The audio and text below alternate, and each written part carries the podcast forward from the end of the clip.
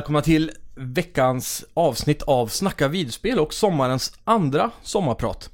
Eh, förra veckan fick vi ju höra Max där då som körde sitt fantastiska sommarprat. Men lite som han själv tyckte så kommer nog jag också tycka att detta kommer bli väldigt cringe. Det, man kan ju tro att efter så många avsnitt som vi har gjort nu med Snacka videospel att man borde vara så van med att prata in i en mikrofon. Men så fort man är ensam och inte har något bollplank att eh, bolla mot så blir det lite konstigt. Ehm, jag har eh, kanske inte riktigt så välskrivet avsnitt som Max kanske hade. Så det här kommer komma lite mer rakt ifrån hjärnan och ut till er. Ehm, men lite notiser har jag skrivit ner i alla fall. Så med det så får jag önska er varmt välkomna till Sommarprat 2.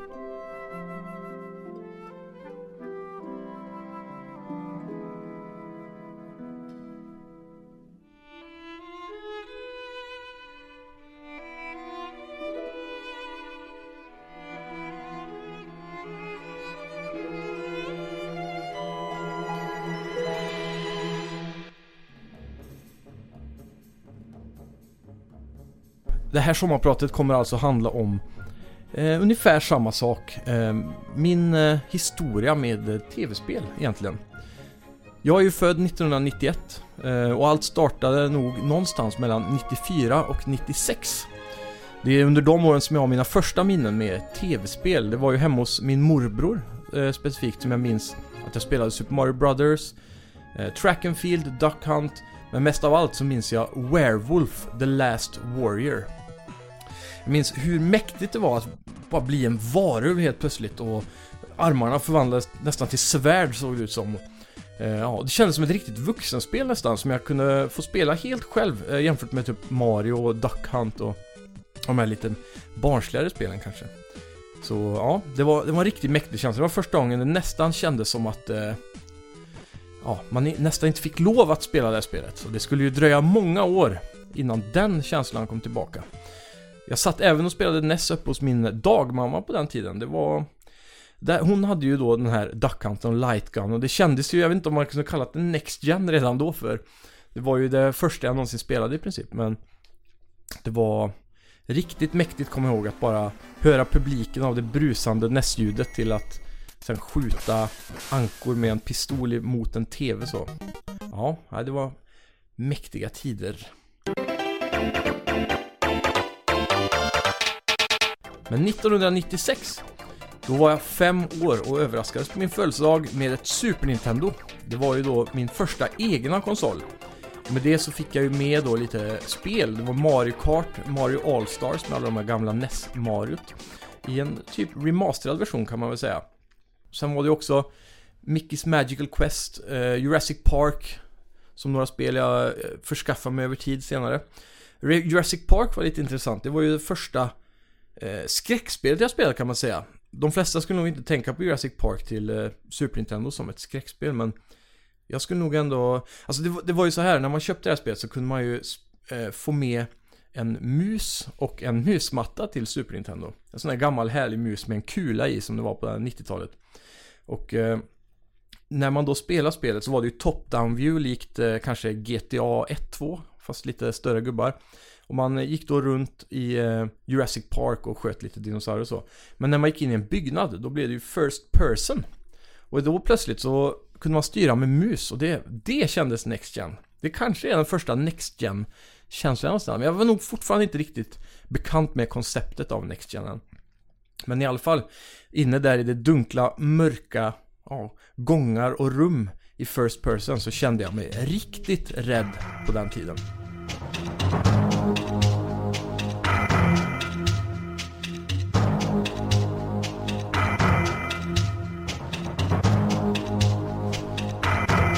Under åren med Super Nintendo så blir nog eh, mitt favoritspel eh, Spider-Man Maximum Carnage där man kunde då, det är ju en beat'em up, man går från vänster till höger och slår ner massa skurkar och bossar. Eh, där vi då kunde spela co-op såklart. Och det var nog kanske det som lade den eh, högst på listan till Super Nintendo. Det gick ofantligt många timmar och det var ju sällan man varvade men en kompis, Alexander Eriksson, han var ju där Eh, och alltid varvade spel. Han var bäst på det på den tiden, kommer jag ihåg. Så alltid när han lånat spel så kunde man bli lite sur sen när man fick tillbaka det. För då sa han att han hade varvat det och det hade man själv inte hunnit gjort. ja, det är ett klassiskt minne. Sen är det ju många som kanske tänker direkt, ja men det bästa beat'em är nog eh, Turtles in Time. Ja, jag är nog beredd att hålla med om det idag.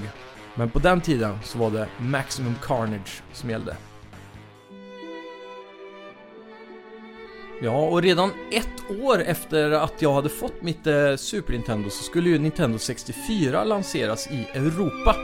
Men ovetande som dess existens satt jag ju nöjd och lät mitt SNES gå varmt ett bra tag till.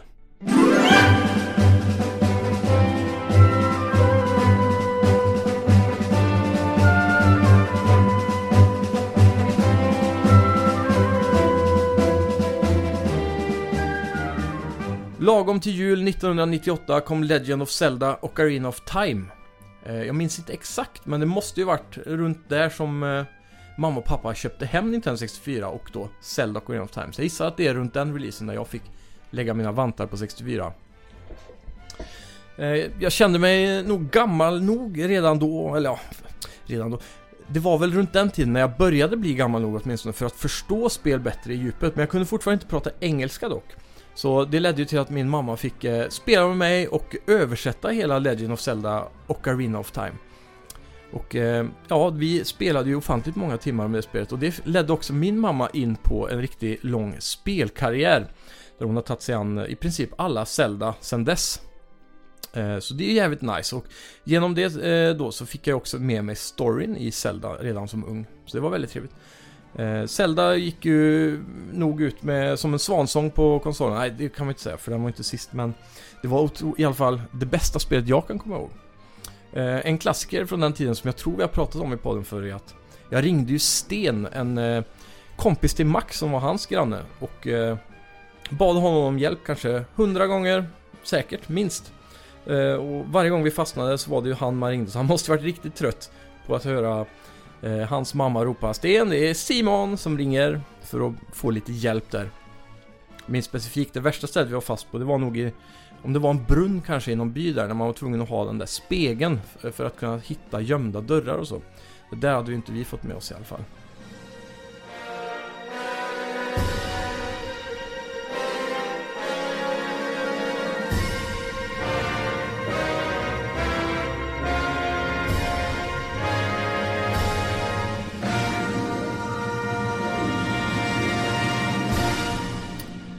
Under de kommande åren så kändes det som att varenda person hade Nintendo 64 Och eh, det var väldigt enkelt att bytelåna spel då. Eh, ja, Alla kompisar, kusiner, folk på gatorna nästan hade ju denna fantastiska konsol. Trots allt så har man ju fått höra i eftertid att 64 var lite av en flopp I alla fall om man jämför med Super Nintendo och NES Men på den tiden så kändes det verkligen som att det var Ja, den enda konsolen som gällde. Det var det enda folk hade och eh, genom åren så är det några favoriter som har stuckit ut såklart. Mario 64, Mario Party, Mario Tennis. Det var också mitt första sportspel kanske som jag någonsin fastnade för. Kan hända att det kan ha varit ja, Fifa 98 också. Det var ett spel som eh, vi spelade mycket hos mormor eh, på hennes PC som hon hade. Men mer om PC-spelande senare. Andra spel som eh, kanske är lite, ja, inte udda. Vi har ju Mission Impossible. Det är ett spel som idag kanske går för att vara väldigt dåligt. Men vi älskade ju Tom Cruise och Mission Impossible på den tiden. Jag minns jag och min kompis Fredrik Knoff hade båda där. Och vi pratade ofta om på skolgården och efter skolan om olika hemligheter och items man kunde hitta. Det var ju alltid så här man kunde sno olika kostymer eller klä ut sig då till folk man hade slått ner. Precis som i filmerna, ta på sig en mask och smyga runt. Alltså en bana var man till exempel en brandman för att smita ut från eh, den här heisten man hade genomfört och så vidare. Ja, sen hade vi Goldeneye såklart. Eh, fyra player split screen där alla skrek att man inte fick tjuvtitta på varandra och varje gång man dog så hade ju någon tjuvtittat såklart. Det var ju oundvikligt. Och man var lika arg varje gång. Eh, sen hade vi Wave Race såklart. Kanske också ett av de sportspelen om man kan kalla det det. Som var kanske det, ja alltså det bästa vattenfysiken åtminstone. Den eh, skulle jag säga håller än idag och det finns en jävligt bra YouTube-video om det kan se om jag kan länka den. Där de går igenom då vattenutveckling i tv-spel och pratar om hur det är gjort det här spelet. Och det är väldigt smart faktiskt. Det ser ju så himla Eh, vad ska man kalla det?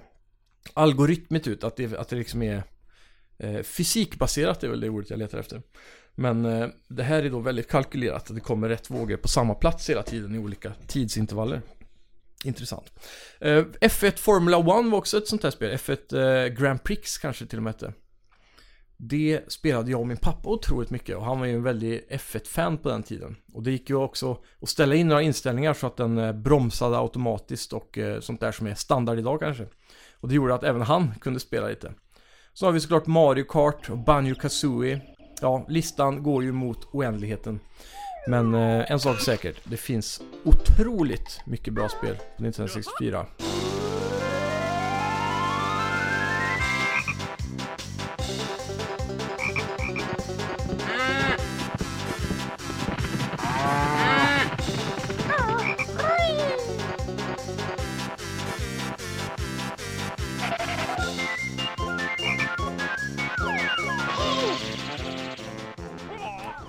Ska gå in på lite mer specifika minnen kanske från Nintendo 64-tiden så var ju ett starkt minne där att kötta dinosaurier med massa blod i Flöghult. Det var ju där vi hade vår lilla sommarstuga.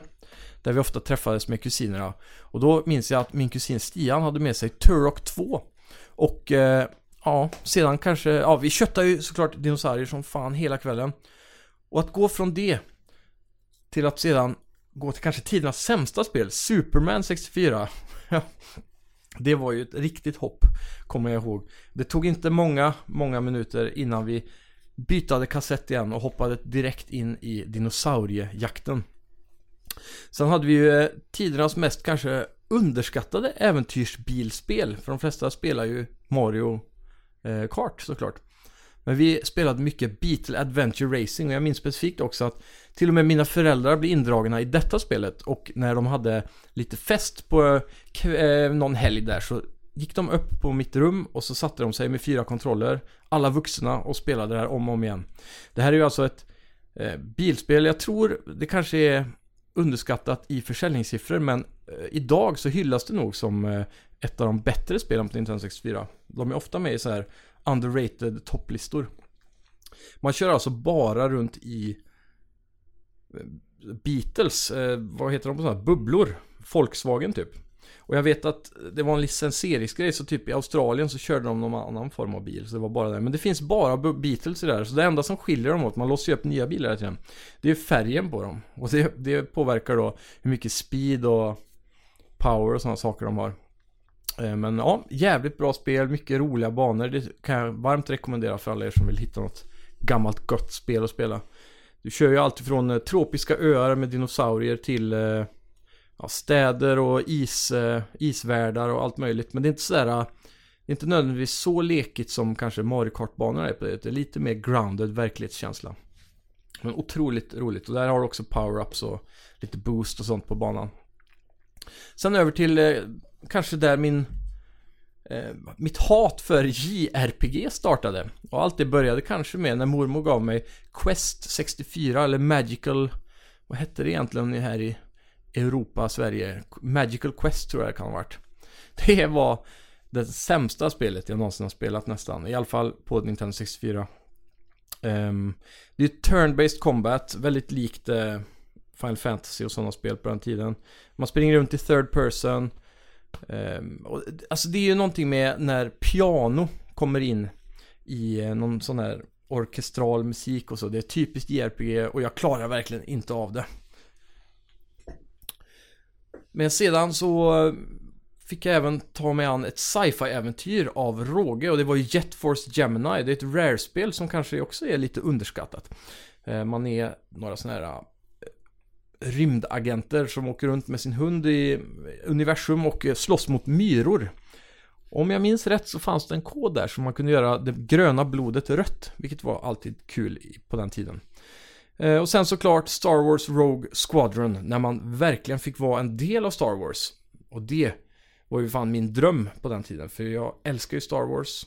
Och eh, ja, kunna köra en X-Wing och TIE Fighter fick man ju inte köra i det spelet tyvärr, men det var ju det första i serien. Och man fick också med expansion packet där till Nintendo 64, kommer jag ihåg. Ehm, det, var väl en ramuppgradering om jag minns rätt. Det är där eh, Fick man också med med Donkey Kong 64 för de som spelade det så kanske ni hade den därifrån. Men det är den här röda pluppen man kunde sätta i på konsolen för att utöka lite ram så att den blir lite bättre. Ja, det är ju kanske min eh, Nintendo 64-historia och eh, ja, kanske den bästa konsolgenerationen och tiden när det kommer till tv-spel i mitt liv. Det var otroligt mycket bra minnen från spel som Mario, Bunny och alla de där klassiska bitarna.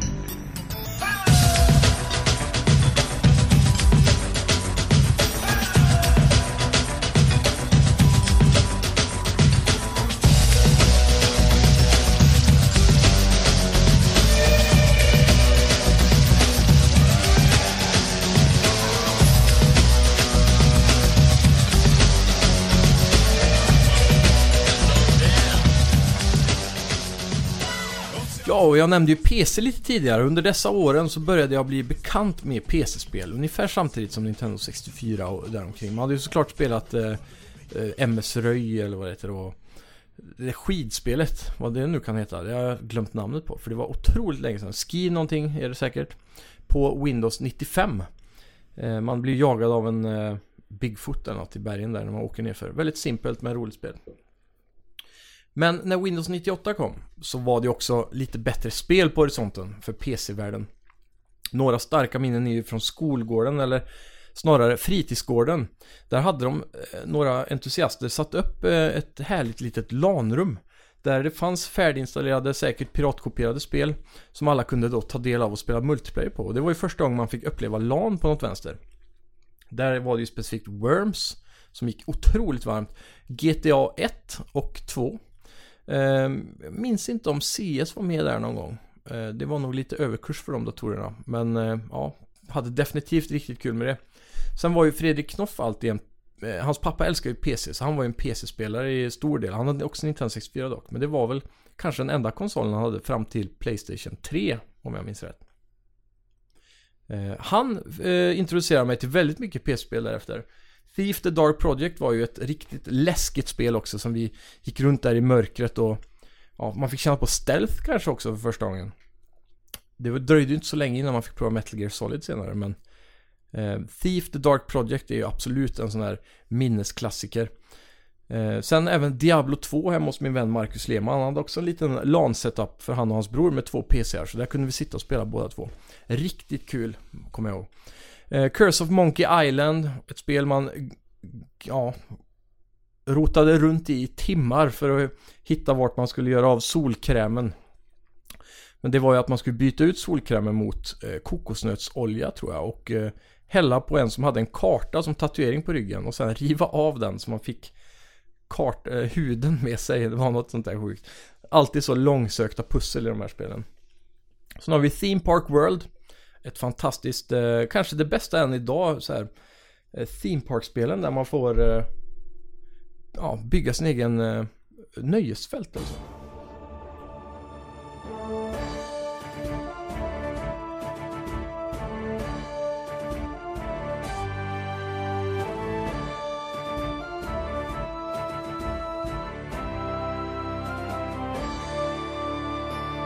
Sen så har vi såklart de mer köttiga spelen som också var klassiskt på PC.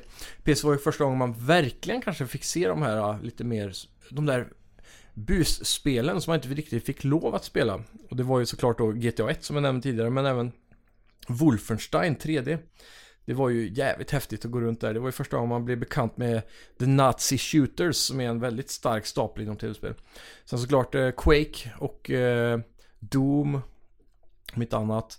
Och sen såklart Counter-Strike och så vidare. Men Age of Empires 1 och 2, som jag spelade hemma hos min vän Fredrik, är eh, kanske några av de spelen på PC som har stått bäst i tiderna.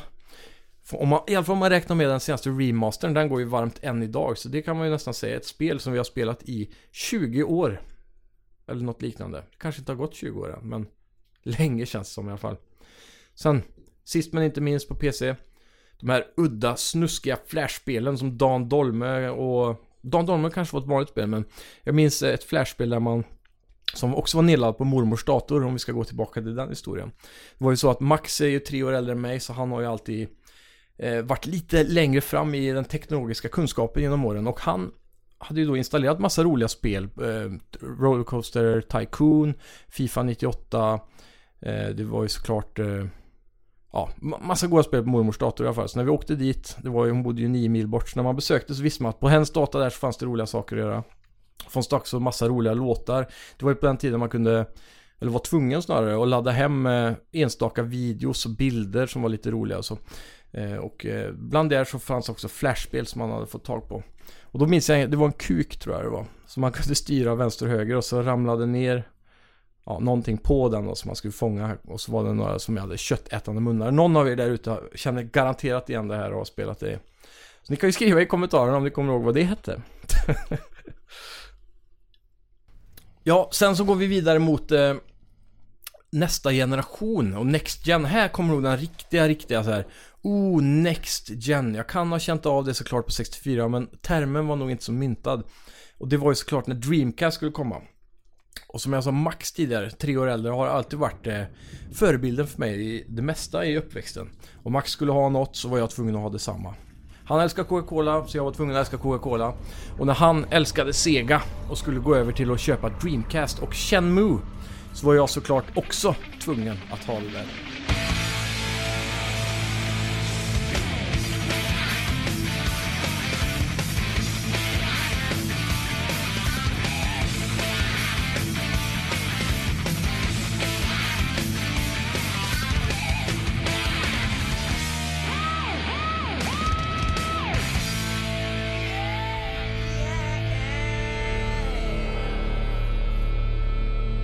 Det är den första konsolen jag minns att jag köpte för egna pengar. Eh, vi gick ner på den lokala elektronikaffären, Electronic Bazaar tror jag den hette på den tiden. Och eh, då på nattöppet som vi har en gång om året här i vår lilla stad så fick man köpt den för runt, jag tror det var 2000 någonting. Lågt 2000 kronor. Och jag minns hypen, komma hem med det och Sonic Adventures. Och Shenmue då såklart. Otroligt vilka minnen. Um, Sonic, det fast, eh, det snabba Otroligt snabba spelet. Jag minns jag var så imponerad av hur snabbt man kunde springa. Lite så som jag kan tänka mig folk var imponerad på 16-bitars tiden när de först visade det för att Mario hade visats upp. Men det var verkligen, eh, det kändes riktigt next gen när man hoppade där och valarna eller späckhuggare kanske var, studsade upp och förstörde bron bakom en. Ja. Sen har vi ju, eh, fan, jag, jag spelar mycket demos på Dreamcast vill jag minnas. Den här demoskivan som är den här Rumble uh, Let's get ready to rumble boxing 3 kanske var, eller något sånt. Uh, sen fick man ju Shushu Rocket gratis på posten om man skickade in någon uh, Ja, det var någon internetregistrering av något slag. Andra minnen med Dreamcast, ja, Shamu såklart. Det var ju ett spel man, jag nästan var för ung för att spela på den tiden. Så jag, jag hade ju börjat med engelska och sådär i skolan, men det var ändå svårt och lista ut alla de här pusslerna kan man ju kalla det. Så efter ett tag så la jag ner det spelet minns jag. Och återkom typ två år senare för att bli helt hooked och kunde läsa allt och förstå allt. Och varvade det ja, ganska direkt egentligen. Så jag minns att jag var så imponerad över att spelet hade fyra skivor också. Det kändes extremt stort. Så jag minns att när jag kom till skiva två, det var väl där jag la ner ungefär. Så visste jag att jag hade två hela skivor kvar sen när jag började och det kändes som ett helt spel. En seg period där dock var ju att behöva vara nere på den här lastdockan och jobba i Ja som en truckförare i oändlighet och åka fram och tillbaka till jobbet. Det kändes nästan som att det var mitt första jobb. Några multiplayer-minnen har jag nog inte från eh, Dreamcast tror jag, så väldigt mycket i alla fall. För jag hade alltid en konsol och förutom Max så var och, och en eh, kompis som hette Niklas så var vi nog de enda som jag kände som hade Dreamcast också. Men Niklas minns jag, han hade ju ett jävligt coolt spel på Dreamcast. Det var ju Kiss-spel. Eh, jag kommer inte ihåg om det hette Psycho Circus. Jag tror det gjorde det. Men det var ju i stil med den skivan de släppte då. Och eh, då var det ju typ eh, Quake-aktigt med skjutspel med superkrafter och alla var relaterade då till de olika Kiss-karaktärerna. Så det är också ett eh, Dreamcast-spel som verkligen står ut genom minnena. Dreamcast är såklart fullt av grymma spel. Men för att göra den här episoden lite kortare så hoppar vi vidare. För det skulle inte dröja så länge innan PS2 började närma sig horisonten här. Och hypen var ju såklart stor och jag hade hunnit att spara ihop en hel del pengar inför PS2. Men så var det en på pappas jobb som hade eh, som ville sälja ett eh, chippat Playstation X då, ett första Playstation. Den eh, gråa breda versionen där man eh, Där han hade med 40 spel och det minns jag att bara siffran 40 lockade mig så otroligt mycket. Så ja, jag kunde inte hålla mig. Jag bad pappa ta mina pengar och köpa det av sin kollega.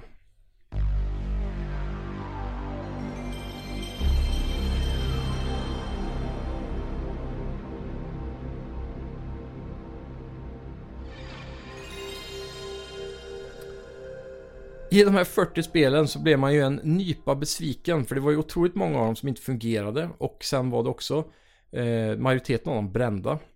Eh, majoriteten av dem var också ganska dåliga och udda spel minns jag som inte riktigt eh, fall mig i smaken och PS1 kändes lite last gen alltså. Eh, när man hade spelat Dreamcast och sådär och man såg PS2 på horisonten så var man ju eh, ja, van med lite högre kvalitet kan man väl säga. Och jag hade inte riktigt fått någon sån här eh, kärlek egentligen för Playstation 1. Men jag var väldigt imponerad av det tidigare när jag hade spelat hos en kompis, eh, Fredrik, som var den enda jag kände som hade PS1 på den tiden. Förutom Max då kanske. Eh, han spelade ju mest Dreamcast, så det var inte så ofta den konsolen var framme i mina minnen. Han kanske inte ens köpte den direkt, han kanske gjorde som jag. Jag minns inte riktigt. Men oavsett, Max hade ju Metal Gear Solid 1 på brända skivor. Och jag såklart bönade och bad för att han skulle bränna det till mig. Och en vacker dag så var det fixat. Det här var ju starten på en lång, eh, eh, ja vad ska man säga, relation mellan mig och eh, en tv-spelserie. Det är nog den serien jag har följt längst och verkligen sett fram emot varenda uppföljare. Eh, Metal Gear Solid för mig är nog den bästa spelserien.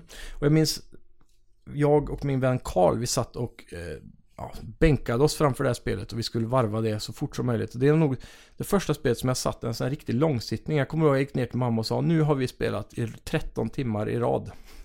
och det var ett stort steg. Um, riktigt första så här bench, uh, ja, som man säger, långsittningen. Um, vi fastnade på Sniper Wolf, den här klassiska kvinnan som är en sniperkung utomhus där i det kalla kalla, kalla vädret. Um, och då kom ju Fredrik Knoff, min andra vän, till räddningen där. Han kom ner en dag när vi satt och spelade och bara klarade bossen på första försöket.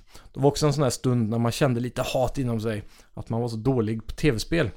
Men i alla fall, under denna perioden, då gick vi nog i femman eller sexan, i mellanstadiet.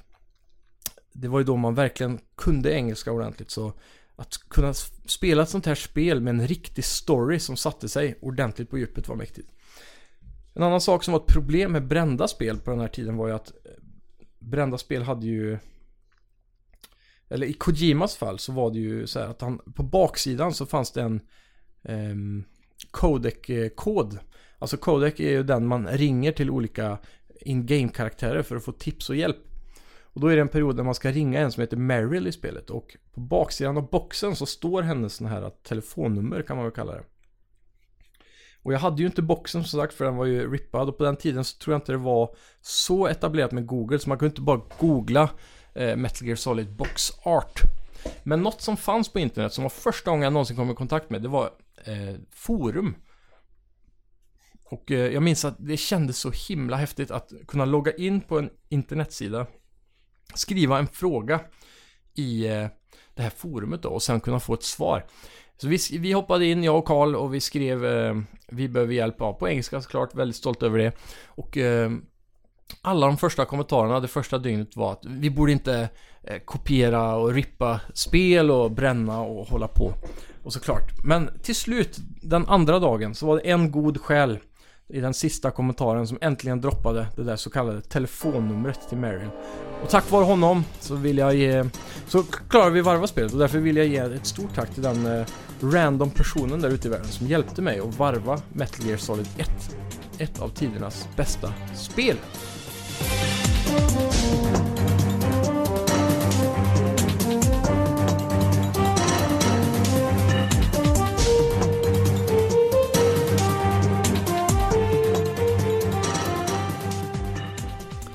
Ja, efter att jag hade köpt PS1 så blev jag ju såklart lite ledsen för PS2 var ju så nära på horisonten. Jag kunde inte köpa det på release för jag hade lagt alldeles för mycket av min sparkasse på PS1. Men en lagom stund senare så fick jag äntligen tag i Playstation 2. Då köpte vi det med Gran Turismo 3 och Spiderman som var relaterat till filmerna där med, vad är det han heter? Um, är ju Sam Raimis trilogi där, den första. Och det är också en stund jag minns när pappa var lite intresserad av tv-spel. Han såg den häftiga grafiken och sen så när man kunde hänga sig upp och ner med Spiderman och så här, på det klassiska sättet glida ner med ett eh, spindelnät så. Då minns jag att han sa stilig. Han är norsk då såklart, så han tyckte att det var häftigt då att det gick att göra och det var verkligen också nästan Next gen känsla Och likt Max bra, äh, eh, sa i eh, hans sommarprat så definieras nog livet mycket i eh, sådana här eror ages som eh, ja, går efter konsolgenerationerna. Så när, under PS2-perioden då är vi ju en helt ny värld här. Eh, vi är på väg in mot högstadiet. Och eh, mycket coola spel kommer man i kontakt med för första gången. Tecken bland annat. Eh, Fightingspel har aldrig varit någonting som jag har fastnat riktigt för så mycket. Vi spelar mycket såklart på Super Nintendo, Street Fighter. Men eh, på Tecken var någonting vi verkligen fastnade för i PS2-eran. Sen så i PS2 såklart så har vi ju eh, det spel jag spelat mest kanske förutom Metal Gear Solid är ett riktigt underskattat spel och det är ju Sagan om ringen-spelen. För Sagan om ringen kom ju runt här och det var ju de bästa filmerna någonsin och spelen som släpptes till. Jag minns julaftonen när man fick eh, Sagan om de två tornen och man bara satt sig och det var, man, man, fick ju se små filmklipp och behind the scenes och sånt där när man hade varvat spelet och genom spelet så fick man också se klipp från filmerna och eh, det här kom ju ut innan vi hann att se filmerna på bio. Jag minns att jag tyckte jag var så jävla cool när jag kom till skolan och kunde berätta vad som hade hänt. Det var ju obviously före man började bry sig om spoilers. På den tiden var information power och jag hade all makt på skolgården inför Sagan om ringen-filmerna.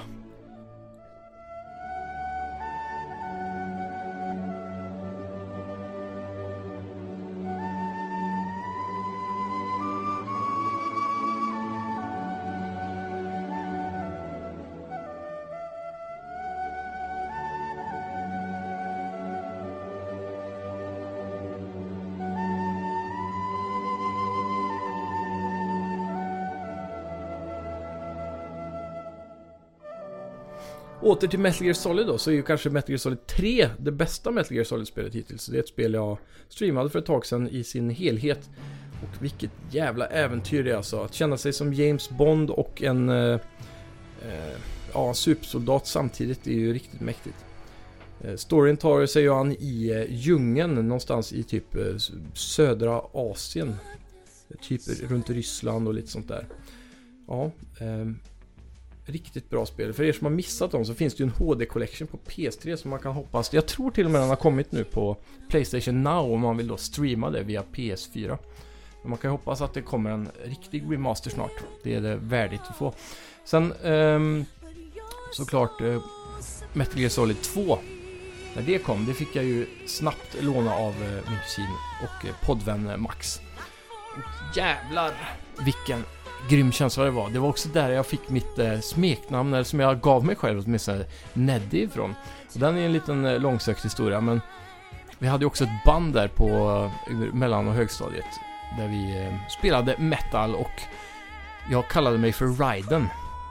Det är också för att eh, Ride är ju en symbol på trumsetet och Ryden är också eh, en av mina favoritkaraktärer genom tv-spel någonsin. Han är ju ganska hatad tror jag genom eh, för alla andra människor i världen. Men eh, jag tycker han, jag tyckte och tycker att han är jävligt cool. Eh, Raiden blev mitt smeknamn som jag sedan tyckte var lite töntigt när jag började bli äldre. Så eftersom det var en spelkaraktärsnamn. Det var ju innan jag visste att Raiden be betyder så mycket mer, att det är något japanskt, det är väl, har väl något med samurajer att göra tror jag. Men då bestämde jag mig för att ta det baklänges, så då blev det Nediar. Och över tid så förkortar jag ner det till bara Neddy och det har suttit kvar än till idag. Så där, ja, det är lite mer PS2-minnen. Jag har ju såklart missat tusentals spel. PS2 har ju ett, en ofantligt bra katalog. Fan, Star Wars Bounty Hunter får jag inte glömma heller. Det var också en riktig julklappsmorgon eh, dagen efter julafton. Ja, känsla där alltså. Det är en av de jularna man minns så att säga. Men nog om PS2. Det är nyare konsoler på horisonten. Vi snackar Xbox och Playstation 3.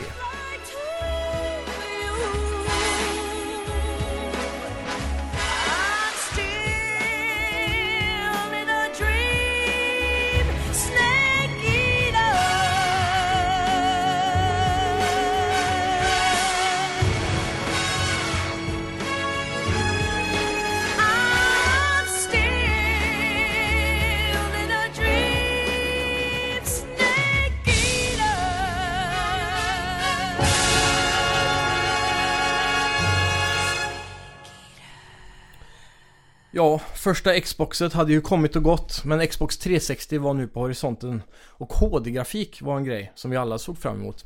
Eh, jag satt ju fortfarande på min Coca-Cola-TV. Den gamla tjock-TVn som jag hade samlat eh, streckkoder för att skicka in och få lov att köpa. Det var väl en version av en LG-TV tror jag. Um, där satt jag och spelade PS2 i, för, i höga förväntningar om att skaffa PS3. Xbox 360 var ju ingenting vi landade för riktigt eh, i vårat kompisgäng, för vi var ju Playstation-fans såklart. Och eh, det kanske ni märker än idag, att vi pratar ju oftast om Playstation snarare än Xbox. Så det har hängt kvar lite grann. Men jag börjar värma mig upp för Xbox mer och mer, men snarare i form av på PC för min del. Men nog om det. Nu ska vi prata om historia här. PS3 kom ju runt eh, 2006 och då gick jag i åttan, kan det stämma tror jag? Jag tror det. 2007 gick vi ur nian och skulle börja gymnasiet, så det måste bli bra. Åttan gick vi och eh, det var ju en extrem hype. Jag minns att Max hade ju fått hem det här runt releasedagen och eh, han hade också fått tag i en HD-TV och komma ner i hans eh, lilla källarrum där och se den stora 32-tummaren med eh, 720p och Super Rubba-Dub, den här anksimulatorn som man kunde ja, styra en anka med motion controls, alltså six axis då. Det var ju stora grejer alltså. Nu har vi visserligen, när jag pratar om motion controls här, hoppat över Wii-eran. Men det är för att Wii var en konsol som morsan köpte och som jag aldrig spelade på i princip. Förutom kanske lite Mario Galaxy och så vidare. Man har ju rört de här lite toppspelen men det var ingenting som jag ofta hade själv på rummet utan då, på den tiden hade man blivit lite för cool för Mario och behövde lite mer action.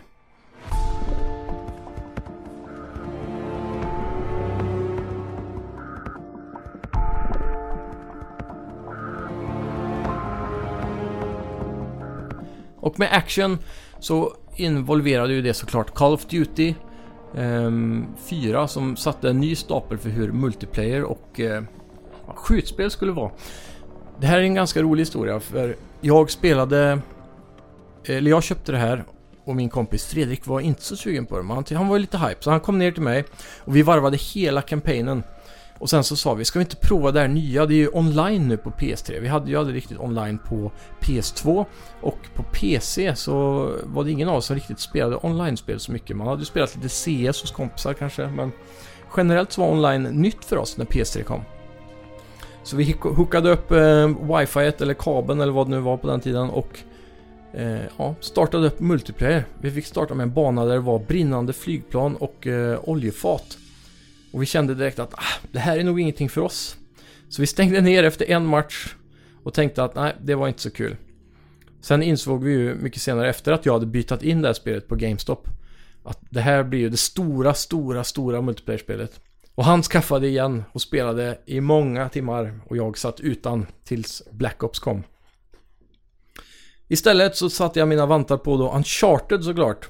Oh, vattenkänslan när man får köra vattenskotern uppför en eh, ja, nedåtflytande flod i strömmar och grejer. Det var så otroligt next gen. Att man kunde gå ner med vatten till knäna och sen såg man när man gick upp att man bara var blöt exakt dit som vattnet hade nått byxorna.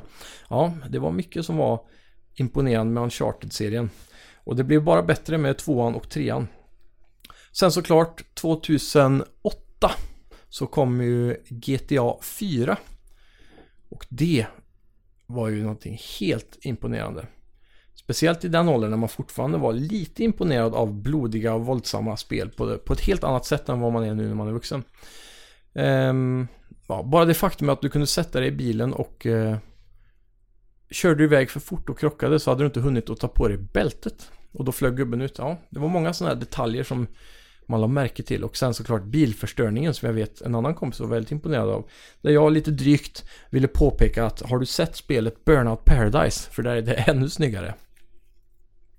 Jag vet inte vilka spel man ska nämna riktigt när det kommer till PS3. Det är ju så ofantligt brett bibliotek och man har spelat, eh, ja, det mesta skulle man väl nästan våga säga. Det är lite udda att tänka tillbaka på att Destiny till exempel var ett PS3-spel också. Um, men det var väl kanske ett cross-platform-spel.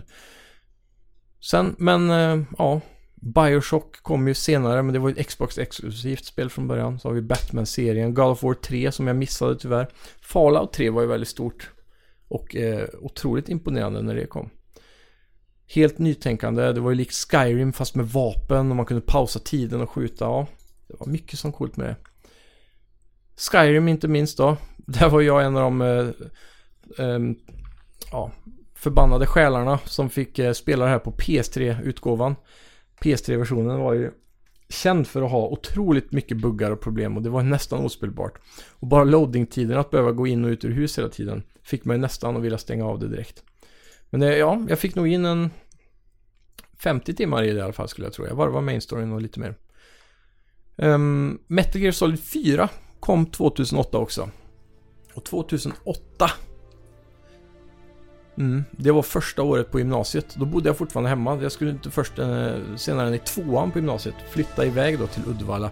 Och återigen följa i Max fotspår och gå samma gymnasium, samma inriktning i samma stad.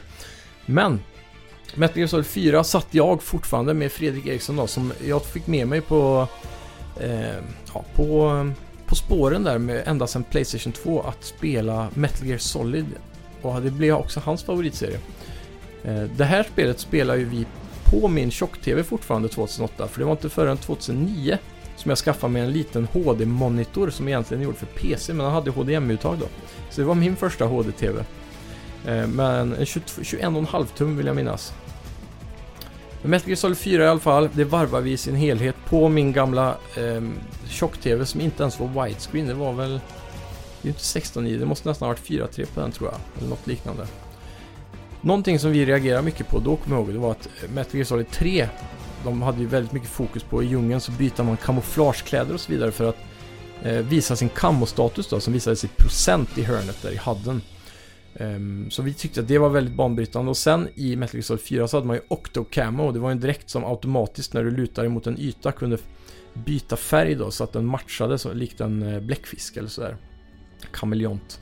Och uh, ja, det fanns ju ingen kammomätare i det här spelet, så det tyckte vi var väldigt, väldigt konstigt. Och det var ju inte först förrän, ja, ett år eller så senare när jag hade skaffat min HD-monitor som vi såg att det fanns. Men det gick bara inte se i den otroligt usla upplösningen som jag tvingade spela många PS3-spel på tidigt i den eran.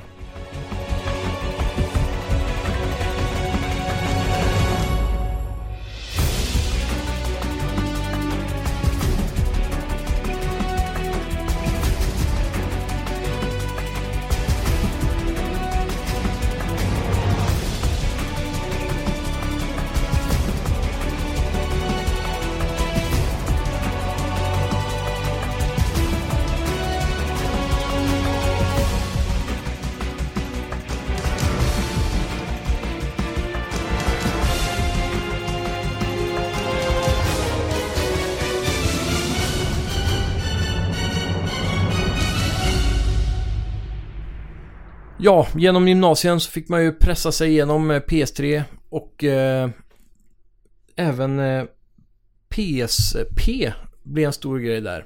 Det är också en sak som Max övertalade mig om att nästan jag behövde. Det är något man måste ha. Eh, och det, det hade han rätt i, speciellt som även han nämnde i sommarpratet där. Tåget som vi pendlade med till Uddevalla för att gå i skola. Det var ju drygt en timma dit och en timma hem varje dag. Det var också på den tiden när jag började att fördjupa mig mycket i mycket mer i tv-spelsvärlden, typ som att följa tv-spelsnyheter mer noga och kolla på E3 och sådana saker. Och en stor sida som blev min eh, go-to-site för alla nyheter och spelkul, det var ju GameTrailers.com. De hade ju allt på den tiden. Till och med Angry Video Game Nerd och samarbete med Screw Attack och så vidare. Så vi satt i datarummet på skolan, hade min eh, stadiga PSP med mig och en USB-kabel för att ladda och ladda ner videos då från Game Traders Så det var där man liksom plockade hem sina första podcast som jag någonsin lyssnade på bland annat. Spelpoddar likt denna fast på engelska. Eller amerikanska och eh, ja, fick lära mig allt om spel på det viset. Så satt man på PSP. Alltså, jag tror jag spenderade 90% av tiden med min PSP att kolla på videos snarare än att spela. Jag hade väldigt lite spel till min PSP. De enda spelen jag kan ha haft var, vad det nu igen? Det var jag hade Ratchet Clank-spel som var, eh, där man var specifikt Clank minns jag. Jag hade Tecken-spel. Ja, det är typ det jag kan komma ihåg alltså. Det var, jag hade den bara som en MP3 och videospelare egentligen. Men, men. Den gjorde sitt jobb mycket väl ändå.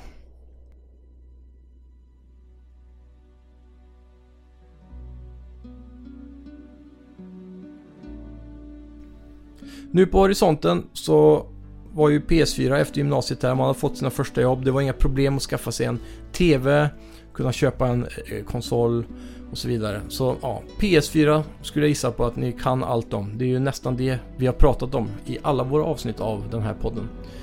Så det är ingen idé att gå in i djupet på det tänker jag. Så det är väl dags att runda av här. Och ja, nu har vi eh, gjort den här podden i, är det fyra år nu? Otroligt vad fort tiden går. Sen 2016 om jag minns helt korrekt där. Jag vill bara passa på nu i detta sommarprat också att tacka för eh, ni som har varit med oss från början och hoppat på på vägen. Det är väldigt kul att se att vi växer. Och ja, det ska bli kul att se vart vi tar vägen i framtiden. Jag har ju en svag känsla av att vi kommer börja med videopodd snart. Men det är ingenting jag kan lova just nu, men det är någonting vi båda tycker låter väldigt intressant. Och att kunna få göra sånt här sommarprat, sitta helt ensam och prata och ens för kunna föreställa sig att bara en person där ute har orkat sitta med hela den här vägen och lyssna på vad jag har att säga. Ja, det är en känsla som får en att må lite bättre i magen och det är alltid kul. Så tack så mycket ska ni ha för att ni är intresserade av att lyssna på oss. Så hoppas jag att ni har en fantastisk fortsatt sommar. Hej